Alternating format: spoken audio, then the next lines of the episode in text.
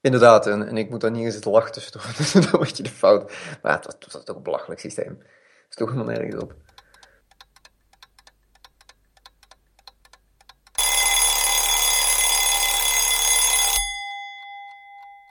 Ja, ja, de verrassing. Ik, ik kijk gewoon een week naar uit uh, nu. Ja, verrassing. Ja, ik had, uh, ik had een onderwerp verzonnen voor de podcast. Dus vandaar dat ik tegen jou zei dat je niet hoefde voor te bereiden. Oh, spannend. Maar gisteren, gisteravond, toen uh, was mijn zus hier. En die, die werkt bij de gemeente. En die, die zijn erover aan het denken om Scrum in te voeren.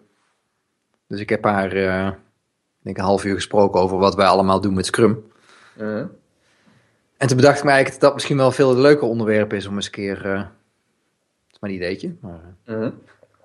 Wat, wat nou eigenlijk het voordeel is van Scrum en waarom wij dat eigenlijk steeds toepassen in, uh, in projecten. en waarom ze dat bij de gemeente zouden moeten doen? Een heel proces willen ze verbeteren en dat willen ze dan in Scrum gaan doen. Uh-huh.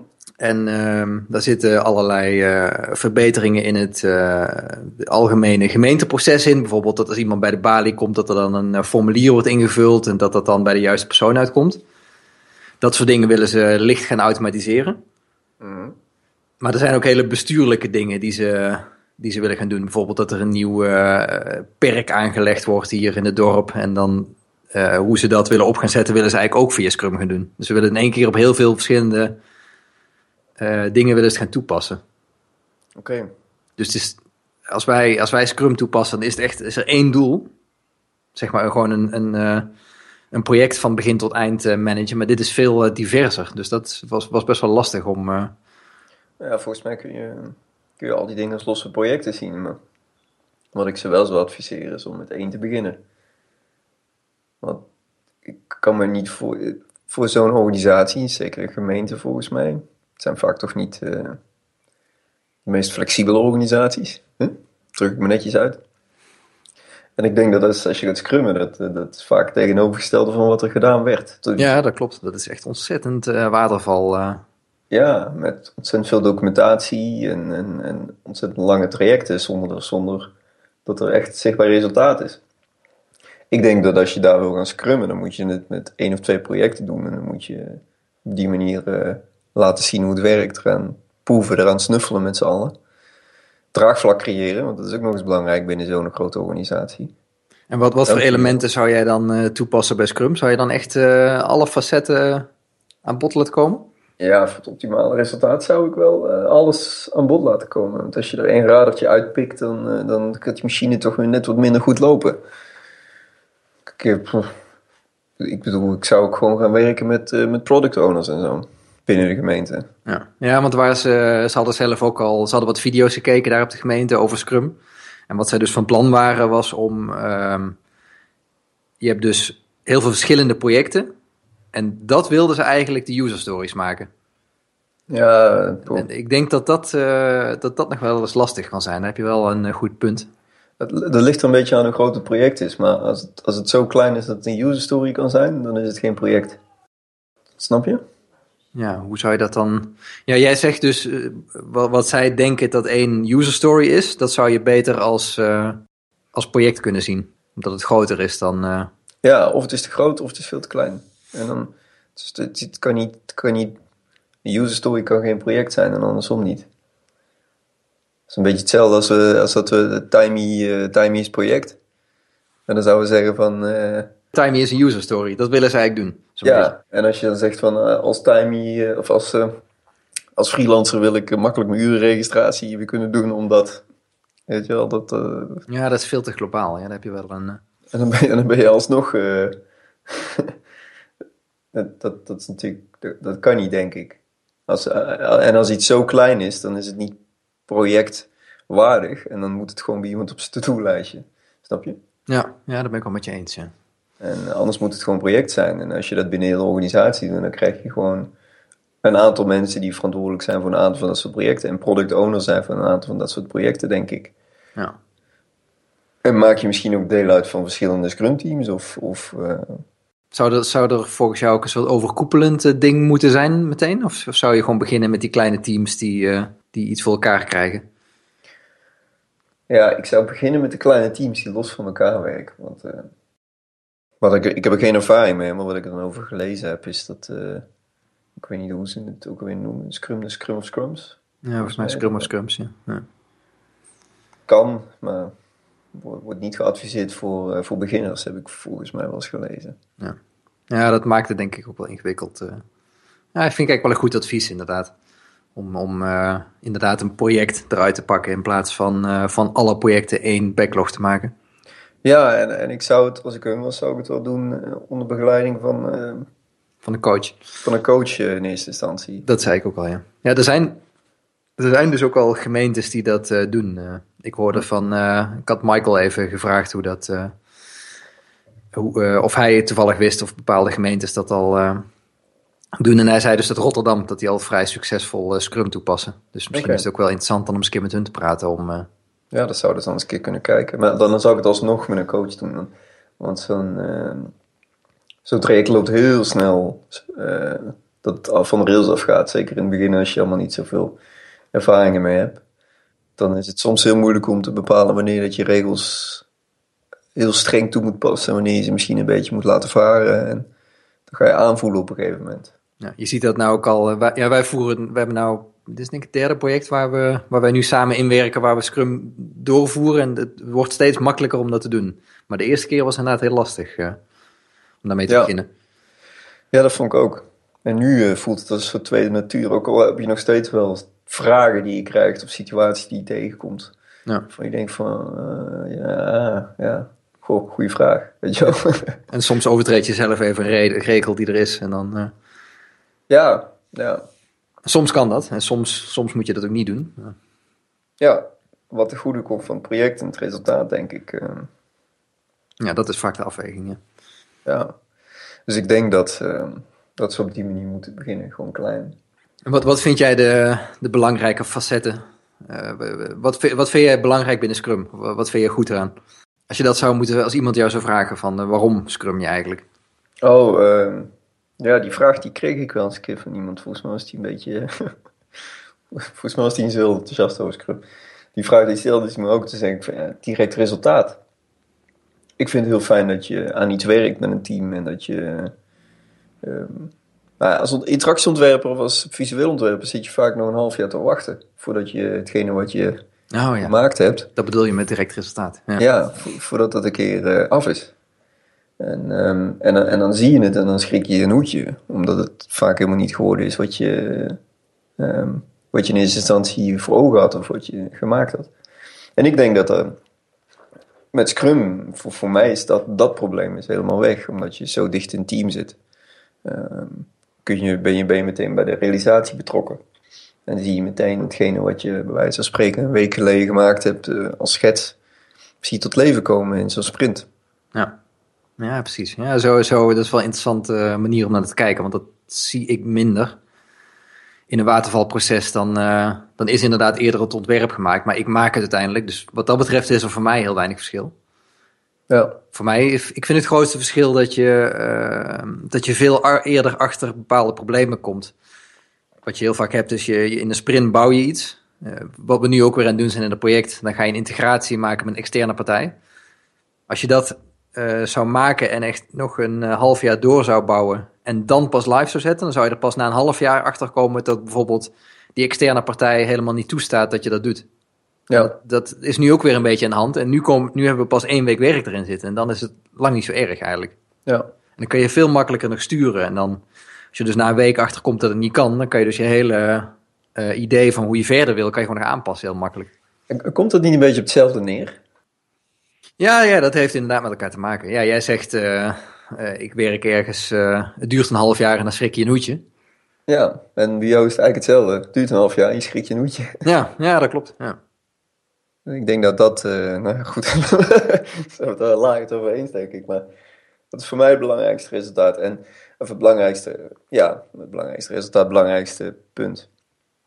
Wat ik ook heel fijn vind, is de samenwerking met, eh, met de klant. Maar die is nog niet altijd, eh, nog niet overal even goed. Maar het, het idee product owner nodigt heel erg uit tot inspraak van de klant en betrokkenheid van de klant. En niet zozeer als ik ga je vertellen wat je moet doen. Ehm, maar van, goh, eh, we pakken dit samen op en we werken samen aan dit, eh, aan dit product. En, en, het, en wat ik ook heel mooi vond, vind, is ehm, de, de team spirit die het kan creëren. Ja. Dus als je dan ehm, met zo'n groepje zit en, en het, het, het loopt lekker en, eh, en je bent samen met die klant iets aan het maken. En je krijgt verantwoordelijkheid, want je houdt toch zeggenschap over wat je gaat doen. Ja. Dat vind ik ook heel mooi. Als je als team zijnde kun je altijd zeggen van... eh, nee, dit kunnen we er niet bij hebben. Of eh, dat, dat ja, toch een klein beetje het laatste woord. En dat, dat geeft een soort cohesie binnen zo'n team of zo. Wat je anders ook niet hebt. Want daar binnen, binnen waterval gaat men heel snel naar elkaar zitten wijzen. Ja, ik heb het zo ontworpen. En, of, of dat is zo bedacht. Of, of eh, ja, weer slecht gebouwd. Terwijl dat dan... Ja, dat geeft tegenovergestelde effect. Ja, het is meer een eh, team effort inderdaad. Ja, het is in- inderdaad. Daar probeer ik trouwens ook altijd, als ik samenwerk in een scrum team, ben ik ook heel bewust bezig als ik dingen zeg, dat ik altijd wij zeg in plaats van ik. Zodat je dat eh, echt waarborgt, ook die, eh, die Ja. teamgedachte. En ook als er een, een, een dat zie ik dan nog wel eens, als er iets misgaat, als we iets ge, gereleased hebben en het gaat mis, ook niet gaan uitzoeken meteen wie het gedaan heeft, maar gewoon proberen met z'n allen op te lossen. Dat is veel constructiever. Het heeft niet per se een relatie met Scrum, maar daardoor behoud je wel echt die teamband. Ja. Nou ja, of het een relatie met Scrum heeft, wat ik zeg. Als je, als je dat niet, eh, als je geen Scrum doet, dan no- nodigt dat een stuk minder uit om dat te gaan doen. Ja, dat klopt. Ja. Zeker omdat je die mensen dan misschien minder een band mee hebt, omdat je het niet zo direct mee samenwerkt. Het is meer over de Ja. schutting geven van. eh, Ja, en dan, en dan is het vaak ook nog eh, op andere afdelingen. Dus je zit nog eens heel ver van elkaar vandaan bijvoorbeeld. ja, letterlijk. Ja. En dan is het heel makkelijk om te gaan zitten wijzen of eh, vervelend te gaan zitten doen. Ik, ik moest daar aan wennen hoor, in het begin Scrum. Ja. Want je, je, het is misschien raar of zo, maar je, het wordt een soort standaard manier van werken om, om de verantwoordelijkheid niet te nemen of zo. Dat weet ik niet. Ja, dat is wel ook, Dus, het is ook wel fijn hoor. Want het, eh, als je niet die verantwoordelijkheid hebt, dan is het gewoon om vijf uur doe je de deur dicht en dan ga je naar huis toe en dan is jouw stukje af, zeg maar. En als je zo in zo'n team werkt, dus heb je veel meer verantwoordelijkheidsgevoel. Tenminste, dat, dat heb ik. Ja, ik ook. Je voelt je ook gewoon kloot als, als je doelstelling niet haalt. Ja. Dus en dat komt gewoon puur omdat ook de verantwoordelijkheid niet meer bij projectmanagers ligt. En, ehm, en, en meer bij het team zelf. En ehm, wat ik ook een heel goed concept van Scrum vind, is dat inschatten. Een jaar of vijf geleden heel vaak zag, was dat er een, eh, dan werd er een senior binnen het bedrijf werd er aangewezen die dan de inschattingen deed. En die, eh, die wist dan wie het project zeg maar ging doen, wat, de wat de planning was. En die moest dan voor die persoon, moest die eh, gaan inschatten hoeveel tijd hij erover zou doen om dat project te maken. Ja. Heb je die wel eens gezien? Nee, dat ken ik niet. Maar ik, ik heb tot nu toe gelukkig altijd zelf mijn eigen werk in mogen schatten. Oh ja. Ja, ik heb wel eens bij bedrijven gezeten waar het dus zo werkte. En dan werd je dus ook geacht om die, eh, om dat, eh, om die tijd er echt aan... Om, dat was de maximale tijd zeg maar, die eraan kon besteden. En bij Scrum werkte dus anders. Dat was ik dus gisteren ook aan mijn zus aan het vertellen. Dat je, je gaat met z'n allen in een kamer zitten, degene, de, de teamleden. Iedereen heeft een eh, set met kaartjes met nummers erop. Eh, je, je, je kiest een nummer op uit eh, waar je eh, hoe, hoeveel werk je het vindt. Het zijn nummers van 1 tot met 40. Hè? 100. Oh, 0 tot met 100, ja. Dus hoe, hoeveel, hoeveel werk het is, die leg je allemaal met het nummer naar beneden op de tafel en dan draai je ze tegelijk om. Wat heel leuk is, wat wij ook heel vaak doen, is dan extra heel hoog of extra heel laag om die discussie een beetje op gang te krijgen. Bijvoorbeeld, om als voorbeeld te noemen met Timey hebben we in het begin, waar we aan denken over een betaalsysteem. Ik dacht dat het heel moeilijk was, dus ik gooide bijvoorbeeld 40 op en toen gooide jij 0 op om het een beetje te, om een beetje die discussie te krijgen van oké, wat is nou de allersimpelste manier dat we dit kunnen, kunnen oplossen? Het was ook nul. Het was ook nul uiteindelijk. Ja. Maar ja. Maar kreeg, kreeg, jij de, kreeg je ook de vraag eh, waarom punten? Ja, ja, die kreeg ik ook, ja. Wat zei je erop? Dat, ik vind dat blijft, een moeilijk, eh, blijft moeilijk om dat uit te leggen. Nou, wat ik, wat ik vertelde is, je, doet het in punten en niet in uren, omdat je, eh, je hebt wisselende teamsamenstellingen. Eh, mensen heel vinden het heel moeilijk om dingen in tijd in te schatten. En mensen vinden het veel makkelijker om dingen met elkaar te vergelijken. Dus stel je, je geeft iets, wat je ook vaak in Scrum ziet, is dat mensen bijvoorbeeld vijf maten hebben. Dus klein, iets groter, middel, eh, vrij groot en heel groot. Mhm. En dan plakken ze die labels erop, zeg maar, in plaats Ja. van punten. Dat zie je ook vaak. En dan krijg je een soort containers hoe groot iets is. Ja. En dan, ja, en je hebt dus met vijf vakken en wij doen het dan met iets meer. Iets meer containertjes. Ja. Nou, wat ik ook wel eens zeg, is dat, ehm, dat het- en ik weet niet of dat zo ooit bedoeld is, maar wat ik er ook een voordeel aan vind, is dat je, kijk, je zegt in plaats van acht punten, zeg je acht uur. En werk je in een bedrijf waar je uren bij houdt, dan, eh, dan kom je op een gegeven moment aan je acht uur, dan ga je er negen over doen en dan is het meteen, ah, ah, ik heb het niet gehaald. Ja, precies. Ja. En als je dat met acht punten hebt, dan daar hangt geen vast aantal uren aan. Niemand weet eigenlijk precies hoeveel uur dat, dat is. We weten dat het acht punten zijn, maar we hebben geen flauw idee wat voor uren dat het zijn. En de ene keer duurt het misschien eh 12 uur, en de andere duurt het, keer duurt het 16 uur. Dat is niet exact aan, gekoppeld aan het aantal uren. Ja. dus je krijgt niet het gevoel van, oh, ik zit aan die 12 uur nu, ik moet doorwerken. Of, of ik, of ik, eh, ik ga het niet halen, ah, jammer. Of ik, oh, ik heb het in acht uur gedaan, kijk mij eens. Ja, of andersom, dat je iets eh, na een uur af hebt waar acht punten voor stonden, dat je dan nog doorgaat omdat je, omdat je er acht uur voor had. Ja, ook dat. Inderdaad. Dus je hebt er, eh, ja, of, je- of je gaat vervolgens zeven uur zitten Facebooken. Ja. Eh, ik, ik denk dat dat, ehm, ja, Ja, die discussie komt altijd helemaal in het begin. Eh, als je nog bezig bent met het backlog opzetten, dus eigenlijk voordat je een inschatting gedaan hebt.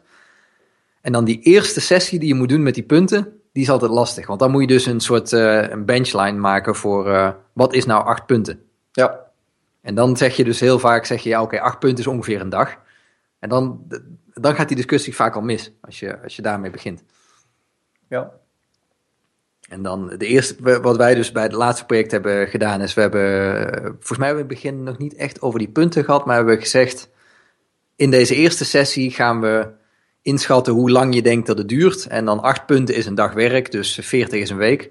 Dat hadden we volgens mij gezegd. En de keer daarna hebben we dus in plaats van, eh, hebben we dus ook uitgelegd, oké, de vorige keer hebben we met uren gewerkt. Maar wat we deze keer gaan doen, we hebben een aantal eh, stories die we dus uit vorige sprint hebben opgelost, hadden we uitgeschreven op tafel gelegd met het aantal punten wat we toen dachten dat het was. En dan hadden we dus uit al die containers hadden we er eentje gepakt. En toen gingen we dus vergelijken. Dus er kwam er een nieuwe story aan bod die we moesten inschatten. En dan gingen we dus eh, vergelijken met oké, dit was evenveel werk als toen. En als het evenveel werk was, dan hangen we er evenveel punten aan. ja. Dat was hoe het, eh, hoe het oploste. Alleen die eerste keer, dat is een beetje, nou, heb ik ook niet echt een betere oplossing voor eigenlijk. Soms zijn mensen ook heel eigenwijs. Hè? Ze zeggen, ja oké, dus, dus vier punten is een dag. Dus dat is dan acht uur. Dus als je omrekent, dan weet je, dat krijg je dan. ja, dat hou je er wel in. Maar wat ik vaak gewoon vraag is op het moment dat ik ze niet kan overtuigen, dan is het van, joh, ehm, sprint duurt maar twee weken. Probeer het eens. Ja. Kan, het is niet dat we nu een half jaar eh, of een jaar of, of tien jaar hier eh, dit, dit moeten gaan doen. We kunnen het twee weken doen. En eh, merk eens hoe het voelt. En kijken of je er over twee weken nog zo over denkt. En we hebben ook eh, het, het project wat eh, maandag live gaat, waar ik aan gewerkt heb, dat hebben we zeg maar in januari waar we begonnen. Toen was eigenlijk al de hele backlog bekend wat we gingen doen. En toen hebben we dus ook alles ingeschat, relatief. En als we toen dus gezegd hadden, oké, acht eh, punten is een dag. Dan was dat nu helemaal, klopte er niks meer van. Want uiteindelijk, da wij dachten dat we acht punten in een dag konden opleveren. Maar uiteindelijk was het minder. Ja, Was het volgens mij vier. Dus dan, dan klopt het gewoon niet meer. Dan zeg je, er staan nu eh, acht punten voor. Dat is, dat, is, dat is een dag, maar dat is eigenlijk twee dagen. ja ook dat. Ben je constant eh, dat aan het bijstellen. We moeten, we moeten Michael Frankes uitnodigen in de podcast. Zo, dat zou wel goed zijn, ja. Die, kan, die heeft daar vast een hele mooie uitleg voor, denk ik. Ja, dat denk ik ook wel, ja. Misschien een ideetje. Schrijf op. Interviewtje. Maar goed, ik ben nog steeds heel benieuwd naar mijn verrassingsonderwerp. Ja, dat, dat heeft hier dus wel eh, heel erg mee te maken, Oh, kan ik zeggen. Ja, dus we kunnen mooi... eh, we gaan het er nog over hebben? Lekker, ga ik even goed voor zitten. ja, we kunnen het wel... eh, we, kun- we kunnen er altijd de hele aflevering weggooien als het niet goed was. hè? Ik ben met eh, Erik Paul ben ik nog een app aan het bouwen naast Timey. Mhm. En ik was vorige week was ik een rondje met hem aan het lopen. Hier en we hadden het een beetje over wat we nou in de toekomst eigenlijk mee willen gaan doen. En we hadden allebei heel sterk de, de mening dat, je, dat we zo snel mogelijk mensen moeten laten betalen. Mhm. het draait nu al, eh, ik denk een jaar of zo, draait het online. En pff, er zijn vier mensen die het gebruiken of zo. Hm. Gewoon vrienden. Niemand die ervoor betaalt. En ehm, nou, we willen gewoon heel graag valideren of nou mensen ook echt daadwerkelijk willen betalen. En ik merkte bij, eh, toen we dat bij Timey deden, was dat voor mijn gevoel heel groot verschil. Dat of mensen het nou gratis gebruiken of mensen ervoor betalen. Dan gaan mensen in één keer echt eh, voor zichzelf bepalen of ze het geld waard vinden, dat product. Mhm. En daarmee kan je dus ook zeggen, wat mij betreft, of als mensen ervoor gaan betalen. Liefst moeten dat natuurlijk vreemden zijn, maar als het vrienden zijn, kan op zich ook wel wat zeggen. Of mensen het echt waard vinden omdat, eh, of het echt een probleem oplost voor hun, zeg maar. Dus Ja. we, waren, we waren het allebei over eens dat we dat moesten gaan doen. Dat mensen moesten gaan laten betalen. Erik Paul die had heel erg het idee van, oké, jullie hebben met Timey hebben jullie dat hele pad bewandeld. Eh, met eh, van eh, factuurtjes maken in Word naar, wat hebben we er meer gedaan? Uiteindelijk hadden we, gingen we met de hand facturen aanmaken in Timey. En nog een stap verder was dat mensen via de creditcard konden doen. En nu hebben we zelfs dat mensen via een overboeking doen. En dat ze dan automatisch een factuur ook per e-mail krijgen met een mooi mailtje van ons. Dus een heel veel stappen zijn daar gelopen. Ja, En eh, Erik Paul die had zoiets dus van, oké, jullie hebben dat al gedaan. En ik wil eigenlijk gewoon nu in één keer wil ik dat hele systeem erin koppelen, wat jullie al gemaakt hebben. Hm. Zijn er volgens jou redenen te noemen om dat niet te doen? Dus niet die, die, eh, die hele code die wij al hebben, die best wel gemaakt is natuurlijk voor timing. Kijk, of dat nou technisch kan, dat is dan natuurlijk maar de vraag. Maar om al meteen dat hele scala erin te plakken. Zou je dat doen? Of zou je, heb je zoiets van, begin eerst met het simpele. Begin met een factuur in pages maken. ik zou zeggen, begin met die factuur en peetjes te maken. Om een paar redenen, denk ik zelfs. Nou, dan ben ik heel benieuwd. Ik, ik denk dat het, eh, het is heel simpel. Het, het eh, aansluiten en het plakken. Eh, ook al kopieer je complete code, volgens mij kan dat niet. Volgens mij duurt het altijd langer om, om dat te doen. Je moet toch een deel opnieuw maken.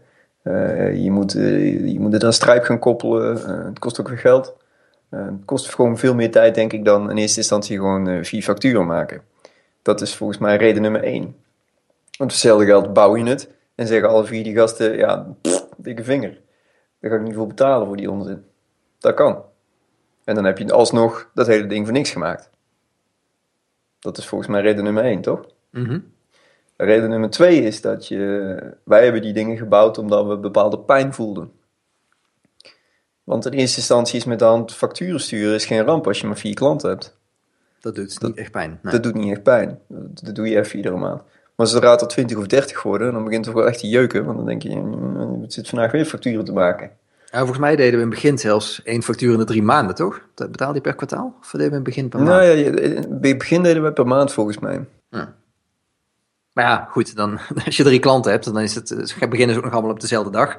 Dus het echt eh, de eerste van de maand stuur je de factuur en... eh, Ja, dus dat, dat is het werk niet. Dus ik, ik, zou, eh, ik zou dus daarmee beginnen. En je bereikt precies hetzelfde. Want ehm, het feit dat men. Volgens mij, ik, ik weet niet of je dat noemde net, maar de, de incentive is natuurlijk. Is, is, het belangrijkste is die van jullie, omdat je. niet, die mensen die gaan natuurlijk die gaan misschien betalen. en Dat, dat is tof. En dan gaan mensen serieuzer nadenken over de waarde van je product. Maar ik denk tegelijkertijd, zodra je betalende klanten hebt, dat je zelf ehm, een, stuk, harder gaat rennen. een stuk meer verantwoordelijkheid voelt voor die applicatie die je gebouwd hebt. Ja. En, ehm, en buiten de intrinsieke motivatie om eraan te werken, ook nog een soort eh, druk van buitenaf voelt. Van, hmm, zijn wel mensen die hiervoor betalen nu. Dus ik denk dat dat ehm, de belangrijkste reden En, en, en datzelfde bereik je door gewoon met de hand facturen te sturen. Ja, dat klopt. Dat maakt inderdaad niet uit of je nou via Stripe gaat of eh, met de hand. Nee. Dus ik, ik zou eh, van een hele grote plan afstappen om dat allemaal te gaan bouwen. Want volgens mij, dat is best veel werk.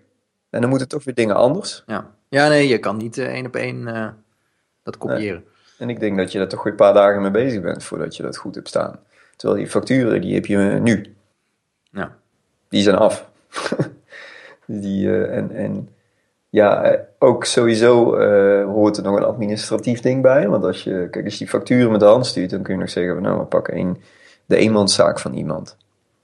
eh, om dat te gaan sturen. Dat hadden wij in het begin ook, bij Timey. Ja. Ja, ja, dat deden we gewoon vanuit onze eigen zaak. Dus dan hoef je niet naar de KVK. Maar als je dat allemaal vanuit Strijp gaat regelen, ja, dan weet ik niet zeker of dat je dat wel gewoon vanuit je eenmanszaak kan doen. Dan moet er misschien ook wel weer een KVK-inschrijving aan te pas komen. Want dat was bij ons toen op dat moment ook. Als wij mensen met creditcard wilden gaan betalen, ja, dan, dan, dan moet je ook een, een, een soort entiteit hebben waar je, waar je aan kunt betalen. Ja, dat was voor, voor ons het moment hè, om uh, naar de Kamer van Koophandel te gaan. Dat we via creditcard mensen wilden laten betalen. Ja. Dus ja, ik, ik denk inderdaad dat dat verplicht is. Dat je, dat je een KVK-inschrijving aan die uh, aan Stripe koppelt. En een bankrekening. Wel. Ja. ja. ja. Dus ik denk dat dat... Uh, um, dat komt er dan ook nog bij. Dus dan moet je weer een tripje maken naar de KVK met z'n tweeën om dan een krabbeltje te gaan zetten. Ja, plus je, moet, uh, je bent verplicht bij de belasting om daar een nummer voor aan te vragen. En dan moet je daar de administratie voor inleveren. Ja, dus je krijgt iedere maand een extra administratie erbij, al meteen. Uh, en je moet naar de Rabobank, om, of naar de Rabobank, naar de bank, om een, uh, de postbank kan ook, of om rekening af te sluiten. Ja. Dat komt er ook weer bij, neemt ook, neemt ook weer kosten met zich mee.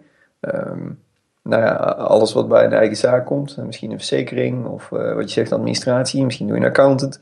Nou, dat alles voor vier facturen. Nee. Ja. Dus volgens mij, uh, ik zou kiezen voor de, voor de makkelijke oplossing en niet voor de grote, mooie, meteen goede oplossing. Dat bestaat toch niet. Want sowieso, uh, um, het zou uiteindelijk kunnen dat je met die goede oplossing nog ook net zoveel werk hebt nog. Hè? Want um, stel je voor dat alle vier die mensen kiezen. Bij, als je dezelfde oplossing als bij Timey zou implementeren. Laten we het even zo uh, stellen. Bij Timey kun je met creditcard betalen en kun je met een overboeking betalen. En die overboeking doe je dan per drie maanden. En het eerste, hè, het creditcardproces totaal geautomatiseerd. Dat overboekingsproces, dat is voor 95% geautomatiseerd. Want hier, ons systeem kijkt van, is iemand toe aan een nieuwe factuur? Zo ja, dan stuurt hij een nieuwe factuur. En die persoon die heeft dan twee weken om het over te boeken. Maar uiteindelijk moet uh, gecontroleerd worden of het geld daadwerkelijk op onze rekening verschenen is of niet. En dat blijf je met de hand doen. Zoals het bij iedereen gaat, we hebben het allemaal druk en soms wordt zo'n betaling vergeten, die schiet er even tussendoor. Geen probleem, maar dat moet dan moet iemand aan herinnerd worden en dat is natuurlijk nog handwerk. En het zou zo kunnen zijn, stel je voor dat alle vier je klanten kiezen voor die overboeking. Dan zit je nog steeds iedere maand te controleren, of iedere drie maanden te controleren of dat die betaling binnen is. En als iemand te laat betaalt, dan heb je nog steeds werk eraan. Ja. Dus het is uiteindelijk zou Dan los je eigenlijk niks op. Per saldo het werk. Het enige wat je dan bespaart met het hele systeem maken, dat is niet eens het hele factuurproces. Dat is alleen het proces van een factuur maken en versturen. Dat is dan wat je, wat je automatiseert. Daar zou je zelfs uh, bijvoorbeeld Moneybird of zo voor kunnen gebruiken. Ja, dat maakt het ook wel makkelijker. Nou, wat je ook niet moet vergeten is bij als je mensen met creditcard laat betalen, dat, dat zien wij nu, is dat soms wordt een betaling geblokkeerd, uh, creditcard verloopt. Dat zijn ook allemaal dingen waar wij actie op moeten ondernemen. Ja. Dus dan, dan moeten we mensen ook echt actief benaderen. Dus stel, we hebben een van die vier klanten die gaat betalen. Daarvan verloopt de creditcard. Dan moet je alsnog contact met hem hebben. Moet hij zijn creditcard invullen. Daarna moet je proberen opnieuw nog een keer die factuur te laten, uh, de betaling door te laten gaan ik vraag me af uh, wat, je, wat je bespaart met het hele systeem te bouwen. Volgens mij moet je, moet je dat niet doen tot, totdat, het echt een probleem wordt. Dan kun je nu je tijd beter aan iets anders versteden. Lekker lean. Het lean vraaguurtje. Ja, en uh, waar Erik Paul het ook over had, was dat, dat hij het, volgens hem zou het echt een, een drijvende kracht van de sales kunnen zijn als je dat... Um, dat referral verhaal wat wij met Timey ook geprobeerd hebben. Als je dat meteen goed inregelt. Dus dat je um, uh, als mensen zich aanmelden en um, dit gaat dan over je boekhouding. En je deelt je boekhouding met je boekhouder. Als die zich dan aanmeldt, dat dan bijvoorbeeld de, degene via wie die komt er weer korting krijgt, zeg maar. Dat systeem. Mm. En we hebben dat met Timey hebben we natuurlijk ook gedacht. Dat dat heel erg zou, uh, zou werken. En uh, als, je, als je aan zo'n systeem denkt, dan denk je meteen aan heel veel automatisering. Hè? Dan denk je van, oké, okay, iemand meldt zich aan, dan moet die, de originele persoon moet korting krijgen, dat moet vanzelf gaan. Op de volgende factuur moet er een bepaalde korting verwerkt worden. Ja. Maar eigenlijk, als je onder de 10 klanten hebt, kan je dat eigenlijk gewoon net zo goed met de hand doen. Misschien zelfs wel beter. Dat denk ik ook. Ik denk dat, ik denk dat het ook beter is. Ik denk dat hetzelfde geldt trouwens voor die facturen. Want zeker in het begin is het super fijn om, uh, om um, om dicht bij die klant te blijven en, en te zien waar die, wat, die, ehm, eh, wat die doet. En, als jij dus, en, en af en toe contact ermee te hebben. En dat is nu ook nog steeds fijn. Alleen ik merk dus doordat we steeds meer automatiseren, dat je steeds minder een beeld krijgt van hoe het gaat met die mensen. En, en eh, hoe vaak zo'n betaling bijvoorbeeld voorbij komt. En, uh, snap je een beetje wat ik bedoel? Ja, ja. En hetzelfde gaat met zo'n referral. Dus door dat met de hand te doen, krijg je juist een beter gevoel. ehm, Hoe vaak het gebruikt wordt. inderdaad, die persoon die gebruikt het heel vaak, die zie ik vaak voorbij komen. Of, ehm, en ehm, het ligt er ook een beetje aan wat je weggeeft. Maar bij Dropbox werkte dat heel erg goed. Het was een heel slim systeem wat zij deden met die, eh, met die ruimte. Ja. Maar daar had je het verschil met het systeem van Dropbox en het systeem wat wij dan geïmplementeerd hadden. Eh, of en wat jullie dan zouden willen hebben voor, eh, voor die app. Ik denk dat. eh, Ik heb er nog eens over na zitten denken. Maar waarom dat bij Dropbox werkte, is dat je, je kreeg daar schijfruimte. Ja, blijvend ook. Niet eenmalig. Ja, blijvende schijfruimte. Ehm, dus ze gaven een stukje ja, van hun product cadeau. Ik weet niet zeker of dat het zo is. Maar daar zat een soort dringende factor achter. Omdat je, je kreeg in eerste instantie 250 gig of een gigabyte of zo. En dan kon je telkens 250 MB bij krijgen volgens mij. En ehm, elke keer als je referral deed. Maar ja, die gig die zat super snel vol. En dan had je op een gegeven moment zoiets van, ja, fuck it, moet ik het nou eens voor je uit gaan halen. Of ik wil eigenlijk meer hebben, maar ik wil niet gaan betalen. En dan ben je gemotiveerd om, om mensen te gaan referen. Ja, en dat is Snap bij, eh, bij Timies zou ik niet echt een manier zien hoe we die schaarste kunnen. Het is niet zo dat je bijvoorbeeld maar duizend uur per jaar kan, eh, in Timey kan zetten voor een bepaald eh, bedrag. We Ja, hebben gewoon, je betaalt één bedrag en dan kan je gewoon alles gebruiken zoveel als je wil. ja juist. En, en wat wij gedaan hebben is van, oké, maar als, je, als je dus iemand refert, dan krijg je korting op je volgende factuur. Maar daar zit geen, ja, behalve als je helemaal geen geld hebt, dan, dan zit er misschien een dringende iets, iets, iets achter waardoor je dat gaat doen. Maar ja, dan, dan zeg je dit natuurlijk gewoon op als je geen geld hebt. En ehm, ik denk dat dat, dat de reden is, dat de reden is waarom dat van Dropbox zo goed zou werken, werkt. En maar wat het voor ons niet werkt. En waarom ik het niet, eh, niet nog een keer zou doen. Daar zit de schaarste zit erin. Ja, daar heb ik eigenlijk ook nog nooit bij stilgestaan. Nou, Dat, dat kunnen wij niet echt... eh, ja, of je moet met een systeem waarbij je dus eh, een gratis account hebt. ja. En je kunt bijvoorbeeld inderdaad maximaal per jaar eh 300 eh, uren registreren. En je kunt erbij krijgen als je een referral doet. Als je een referral doet, krijg je er 100 bij of zo. Maar wat. Ja, ja precies. Dan, dan heb je inderdaad, zit je meer bij het Dropbox eh, systeem. Ja, Maar om even terug te komen op die minder automatisering, dus eigenlijk bij dat referral systeem wat wij hebben gekozen, is eigenlijk precies hetzelfde aan de hand. We, daar hadden we het ook over hoe we dat kon- konden doen. Eh, we waren aan het inschatten.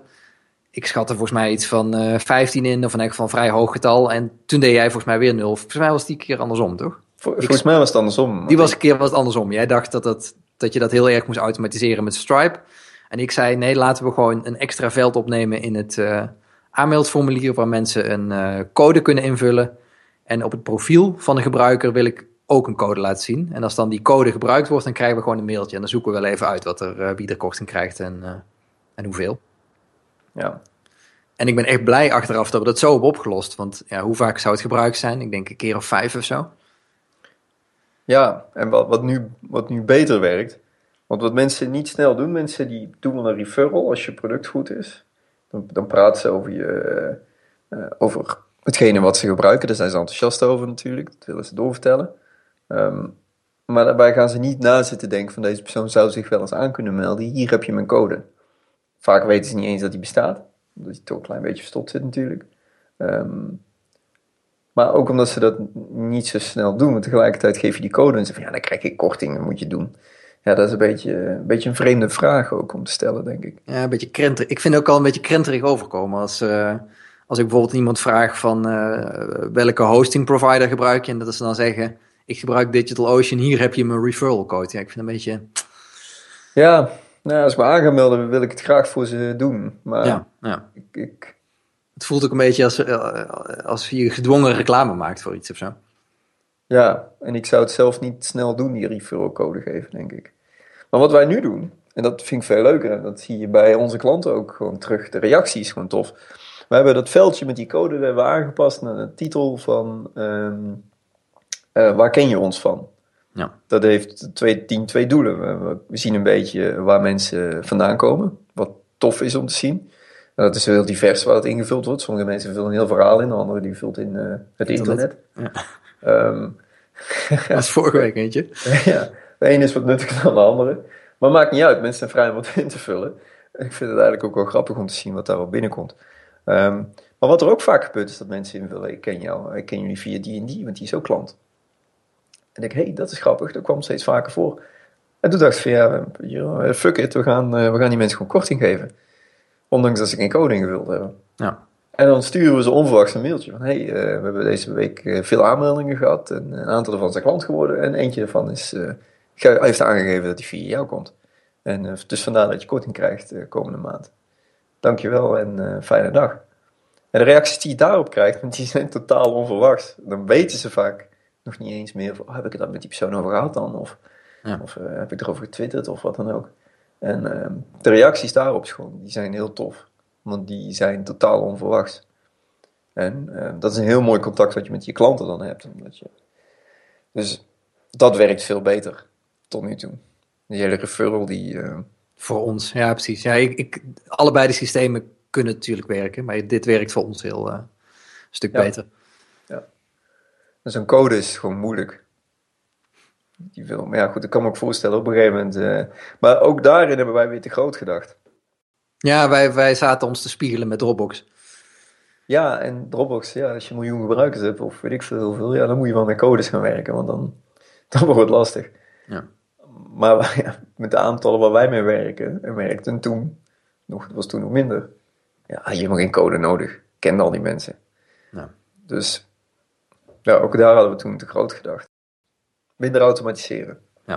Precies. Leuk hè, om te zeggen als programmeur dat je zegt minder automatiseren. Ja, dat vind ik ook. In het, als we nu eh, in een project waar we samenwerken, roep ik dat ook wel eens. Het voelt soms nog steeds een beetje gek om te zeggen, maar dit zijn wel een aantal voorbeelden inderdaad wa- waar, waar gewoon uit blijkt dat dat gewoon goed is om te doen. Ja, het bespaart gewoon tijd hè, in, een, in het beginnen. En je kan, het al, je kan het altijd nog automatiseren. Weet je, dat is ook. eh, Ja, het is eh, zeker met, die, eh, met wat je tegenwoordig doet, is dat je gewoon elke dag eh, live kan gaan in principe. Het is niet dat je maar één keer in het jaar een, een cd'tje kan branden en dat aan je klant kan geven. Nee, je kan gewoon elke dag kan je een nieuwe release live zetten. Dus het is gewoon heel makkelijk om iets uit te proberen en dan, als dat goed werkt, weer door te ontwikkelen. ik zie het echt overal als een van de meest gemaakte fouten dat men iets aan, een heel systeem aan het maken is iets voor, voor wat nog helemaal geen probleem is. Ja, Dus echt problemen op het lossen die, die er nog helemaal niet zijn. En vaak zijn het problemen dat waarvan je hartstikke blij moet zijn dat je ze zou kunnen hebben. Als je ze hebt. een luxe probleem. Hm. Ja, een luxe probleem. Als je op een gegeven moment eh, 400 facturen iedere maand moet sturen, nou dan neem ik wel een dag eh, van mijn weekend of twee dagen van mijn weekend, en dan ga ik die facturen wel zitten maken. En dan heb je dan die pijn gevoeld. En, en terwijl dat ik facturen aan het maken ben, ben jij het aan het automatiseren bij wijze van spreken. Ja. Dan hebben we toch een heerlijk probleem. Als we in één keer in één week zoveel facturen moeten maken. En dan, en dan lossen we het daarna wel op. Maar ik denk dat, ehm, ja, dat, dat is nooit gebeurd. En op een gegeven moment werd het wel te veel. En toen hebben we het geautomatiseerd. Het heeft, het heeft nooit zo'n... Hetzelfde geldt voor, eh, voor allerlei servers. En eh, je kan enorm uitpakken met servers in het begin. Maar ja, zie je eens maar eens traffic te krijgen. En als dan die site een keer down gaat, dan eh, is het toch heerlijk. Ja, ja, wij hebben eerst ook op een heel klein VPSje gedraaid en op zo'n eh, shared hosting. En ja, dat ging prima. En op een gegeven moment zijn we gewoon in het weekend overgestapt. Ja, dat ging prima. We hebben alles kapot gemaakt. Maar dat is een eh, verhaal van een andere podcast.